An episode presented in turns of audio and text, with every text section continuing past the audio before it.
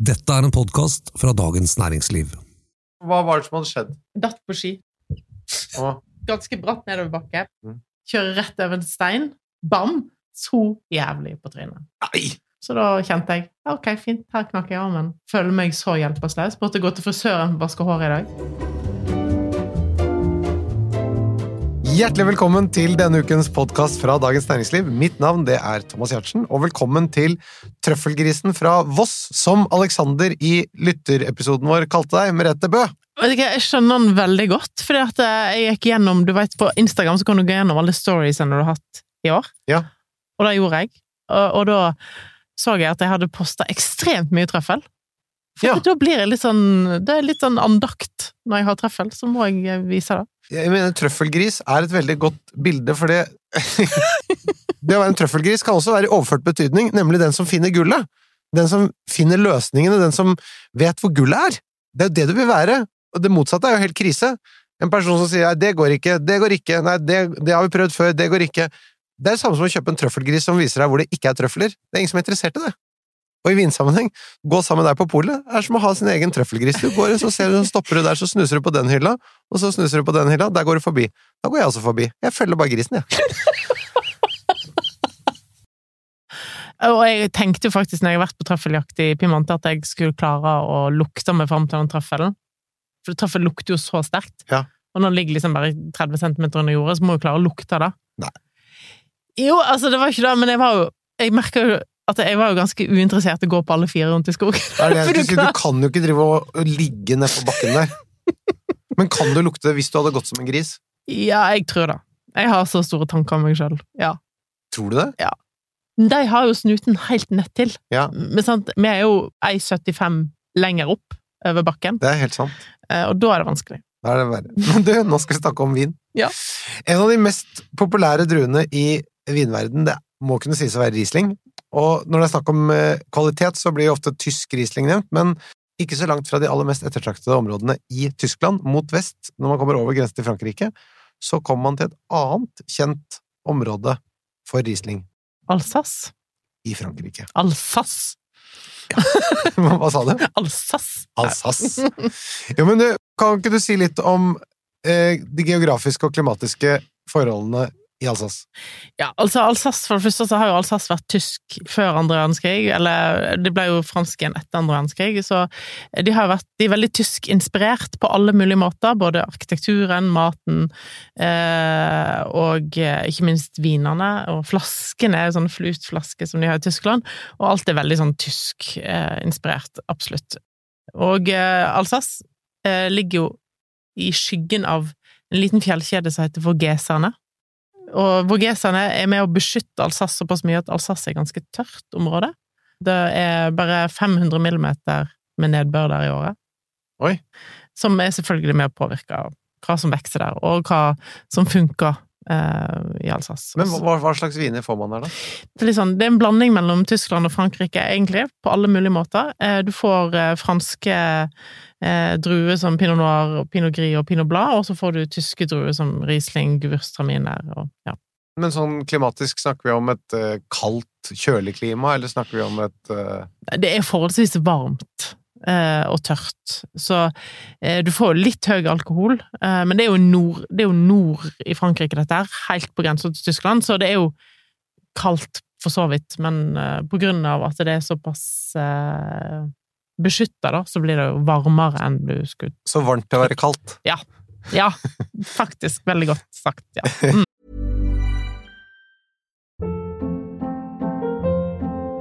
Hold up. What was that? Boring. No flavor. That was as bad as those leftovers you ate all week. Kiki Palmer here, and it's time to say hello to something fresh and guilt-free. Hello Fresh. Jazz up dinner with pecan-crusted chicken or garlic butter shrimp scampi. Now that's music to my mouth. Hello Fresh. Let's get this dinner party started. Discover all the delicious possibilities at hellofresh.com. Så I en blindsmaking, er det dette du ville sett etter da? Eh, ja, altså før var vel eh, skilnaden større enn det den er blitt i dag, for dette Tyskland har både fått litt sånn større modenhet i sine tørre tyske topprislinger. Men så har Alsace blitt kanskje mer elegant, eh, så de har nærma seg hverandre. Men før, for 20 år siden, så var skilnaden kjempestor. Og helt konkret, hvordan kom dette til uttrykk, da? Nei, altså Tyskland var mer elegant, hadde lavere alkohol, eh, var tørrere i stilen. Eh, Alsace var rikere, modnere i stilen, hadde høyere alkohol. Gulere i frukten? Ja, gulere i frukten, virkelig. Mens en tysk Riesling var liksom grønne eple, så var Alsace eh, søte, gule, modne eple. Ananas var det? Ja, Også mindre syre, eller? ja, mindre syre, uten tvil. Men i dag så er de kanskje litt vanskeligere å skille fra hverandre. Du nevnte en del andre druer her også, det kan vi spare til en senere episode, for i dag så fokuserer vi da på Riesling fra Alsace. Men eh, i Tyskland så er det et hierarki som indikerer også hvor mye sødme det er i, eh, i Rieslingene. Hvordan er det med Alsace? Eh, De fleste er tørre. Eh, De har ikke sånn halvtørre som de er i Tyskland, Eh, men de har da noen som er seint innhøsta druer, som heter Vendage tardiv, som betyr sein innhøsting. Og så har de den søteste som heter Selection de Grand Noble, som er da druer som har fått botrytis, som er enda søtere. Når du høster sent, da går sukkernivåene opp, og vannet forsvinner litt, Mm. nærmer seg rosiner, da. Mm. Ja, så det blir søtere. Dette står alltid på etiketten. Uh, står alltid Vendage tardiv eller Selection de granoble. Da er det ganske søte ting, altså. Ja, Så det er dessertviner, sånn Ja. i all hovedsak. Men du, du må si litt om klassifikasjonssystemet i Alsace. De har jo en klassifisering av regionen som heter DOP, eh, som er den offisielle klassifiseringen av alle vinområder i Frankrike. Eh, og nesten alle vinene går inn under den. Og så har de eh, 51 forskjellige Grand Cru-vinmarker i Alsace, eh, som bare dekker sånn ca. 4% av all vin som er laga. Ca. 40 000 hektoliter i året. Eh, men de har jo fått litt kritikk for å utnevne 51 Grand Cru-vinmarker. Det er ganske mange. Det er 20 flere enn eh, Burgund. Jeg har pugga de en gang. Eh, for- Alle 51? ja, ja, ja. For jeg var på under EM for vinkelnere. Da var jeg i Strasbourg, som er da ligger i Alsace. Eh, og da måtte jo kunne Alsace eh, til punkt og prikke, så da pugga jeg alle 51. Jeg husker jo ikke det lenger, selvfølgelig, men jeg husker det viktigste. Men eh, når det blir så mange, så, så på en måte så tar de litt livet av seg sjøl. I dag så fokuserer vi altså da på Riesling fra Alsace, og Merete, du skal som vanlig komme med anbefalinger på de beste kjøpene, og alle vinene de ligger som vanlig i episodeinfoen, så det er ikke noe vits i å notere. La oss gå litt grundig til verks på karakteristikken av Riesling fra Alsace. Hvis jeg kjøper en kvalitetsprodusent Mm. tørr Riesling, hva kan jeg forvente da? Da tenker du liksom Grand Cru-vinmark, da. Eh, beste er superkonsentrerte, de har bra syrestruktur, god mineralitet, veldig holdbare, kan lagres lenge i kjelleren, eh, men er liksom ikke, har ikke den der grønne frukten som du ofte opplever i Tyskland, mer sånn Litt sånn som du sier, tropisk, eh, litt modnere i stilen, litt eh, mer sånn gul steinfrukt og, og sånne ting. Eh, men utrolig matvennlige viner. Da skal de ha. Hvis du får det i blindsmaking, for eksempel, er det noen aromaer som du tenker at ja, det er typisk Alsace, som du ikke får i Tyskland, for eksempel? Det vil kanskje være litt mer sånn den tropiske frukten. Men det kan du jo få i de varmere Ja, du kan få det for eksempel i fals, Ja. ikke sant? Ja, ja. Så det er vanskelig jeg, jeg vil si at det er ikke en lett øvelse å skille Alsace mot fals. Hvis du skal sammenligne med noe i Tyskland, så ligner det på fals, da. Ja. Ligner ikke på Mosel, for å si det sånn. Nei. Altså, det For, for det er igjen mye syrligere og ligger lenger nord, Ja. kaldere, og dermed blir det også mye friskere og, og grønnere i stil. Ja. Og hva med bruk av eik, da? Stort sett gamle eikefat. Masse sånne store, gamle eikefat. Utskjærte og flotte, og minner veldig om tysk, tysk bruk av eik. Ja. Der man ikke får noe eikepreg på vinen, men det kommer oksygen inn mm. på sidene, så du får, får oksidert eh, og luftet vinen på en annen måte enn du får i en ståltank, da. Mm. Som påvirker Som påvirker, selvfølgelig.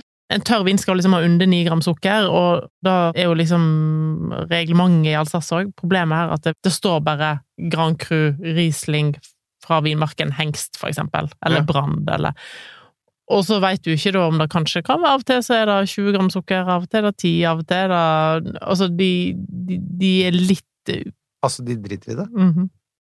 En tørr Riesling, da skal det være under 9 gram. Men det er det ikke. Nei, ikke alltid. Hæ?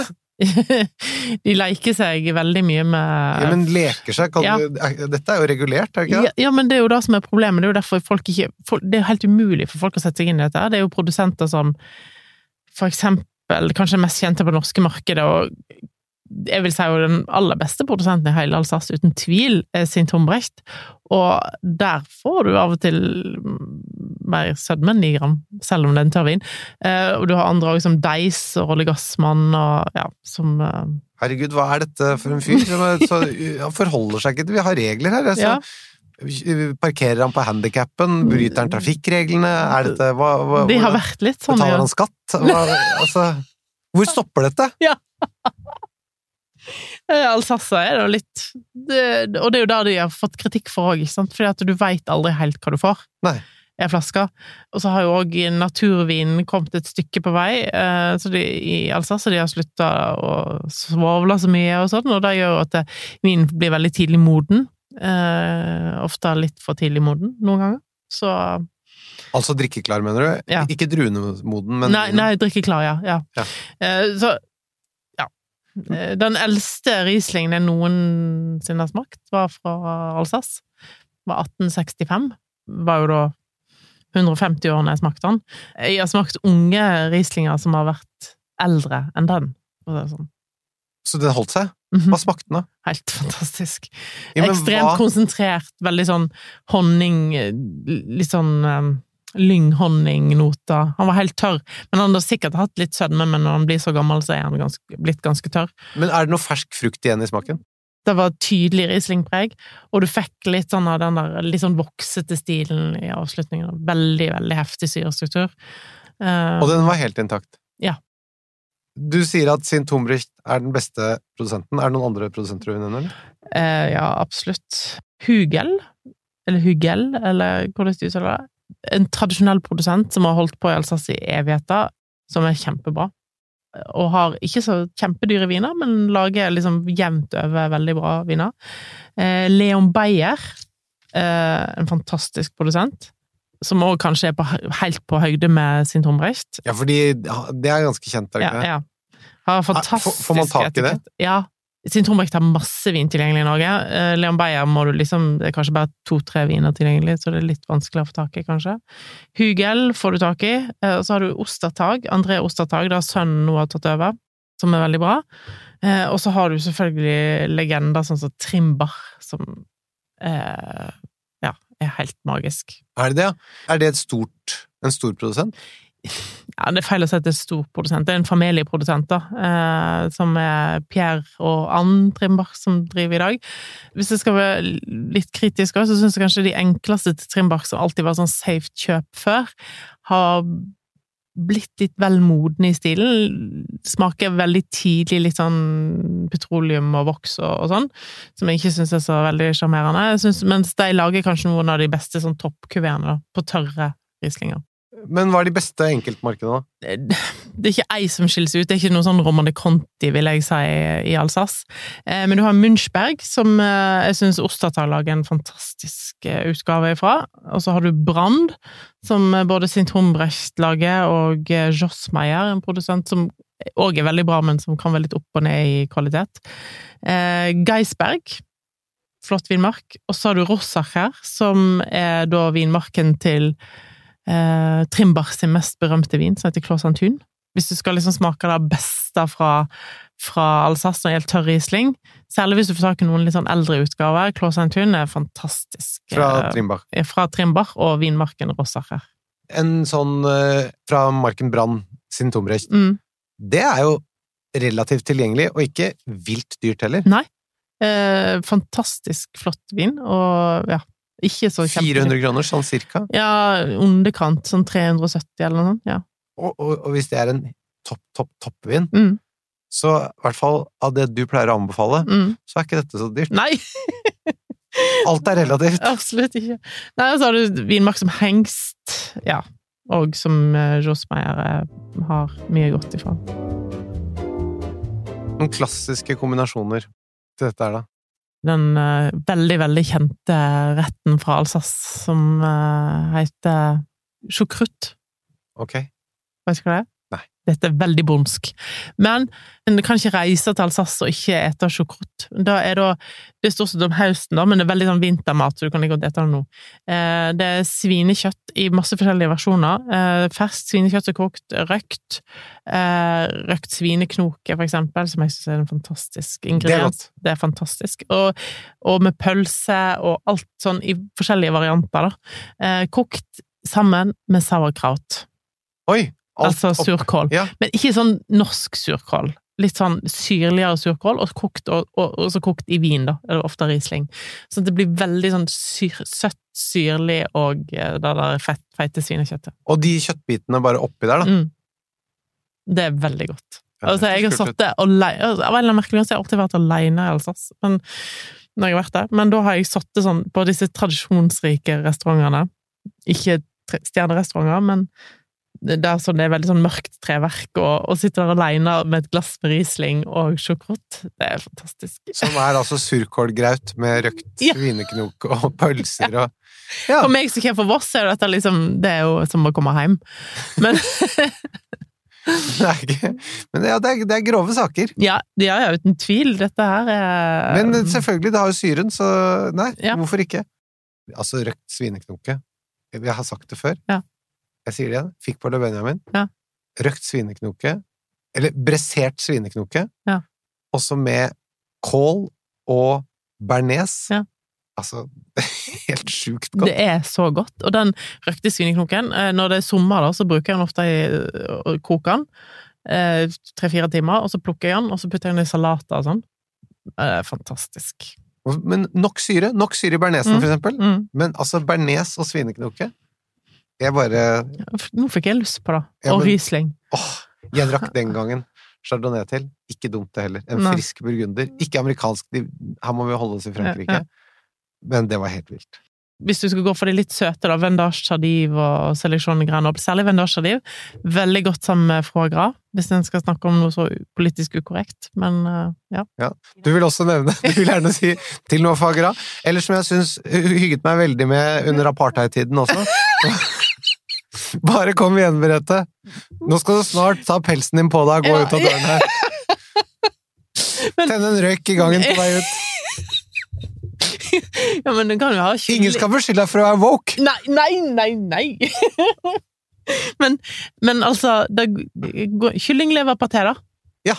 For eksempel. Det, det må være lov. Svineleverpaté. Altså alt sånne ting. Tenker jeg akkurat ved gras, men altså alt i den sjangeren, da. Må ikke være tvangsfôra. Du, du, du kan unngå det. Mm, Ja, men det er greit.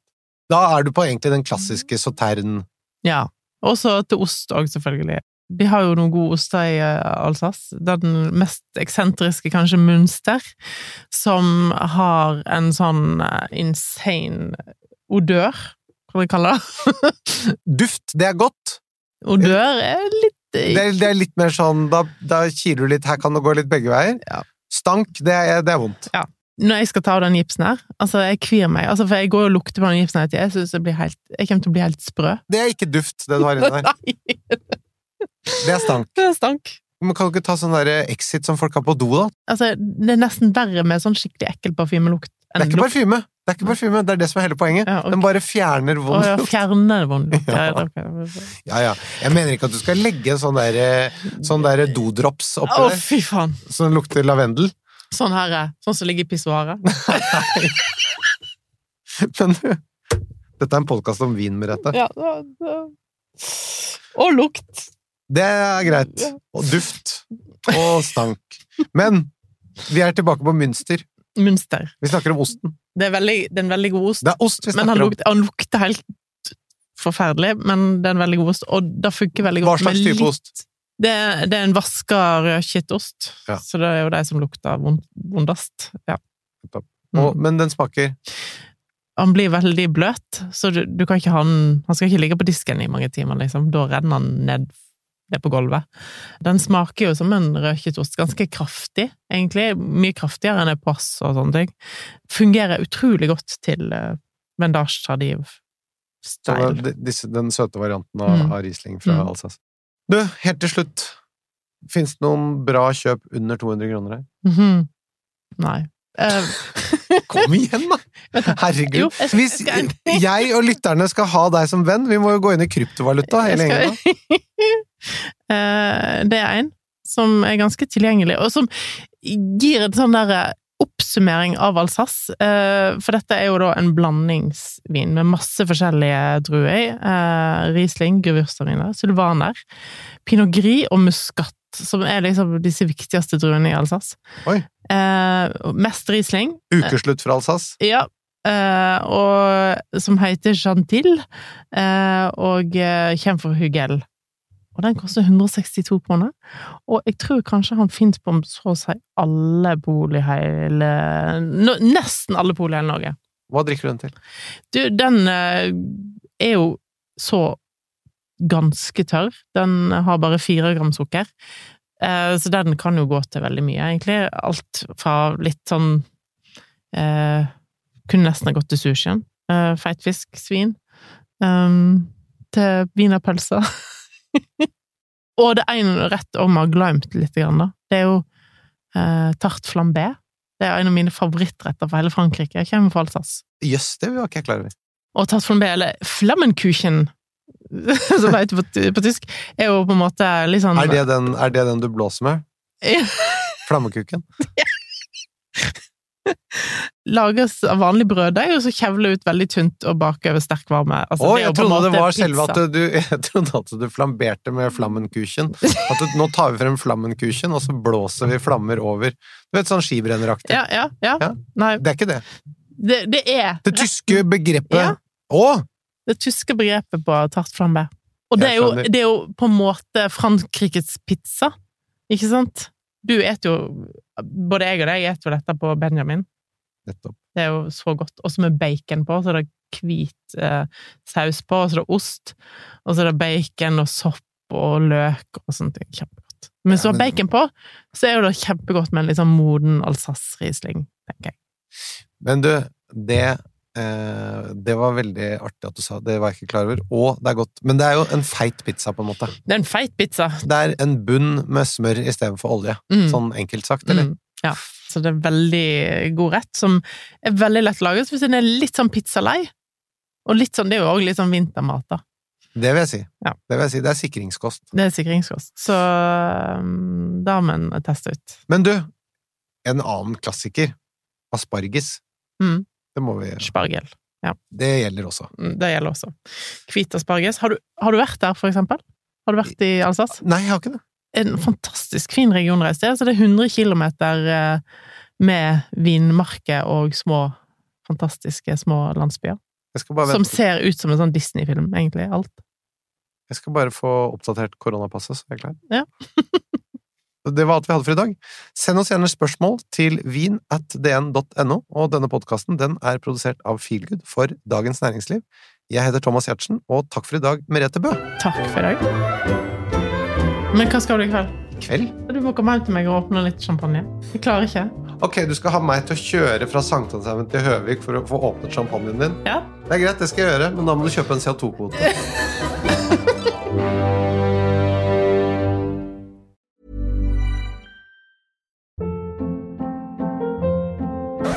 Hold up. What was that? Boring. No flavor. That was as bad as those leftovers you ate all week. Kiki Palmer here, and it's time to say hello to something fresh and guilt-free. Hello Fresh. Jazz up dinner with pecan-crusted chicken or garlic butter shrimp scampi. Now that's music to my mouth. Hello Fresh. Let's get this dinner party started. Discover all the delicious possibilities at hellofresh.com.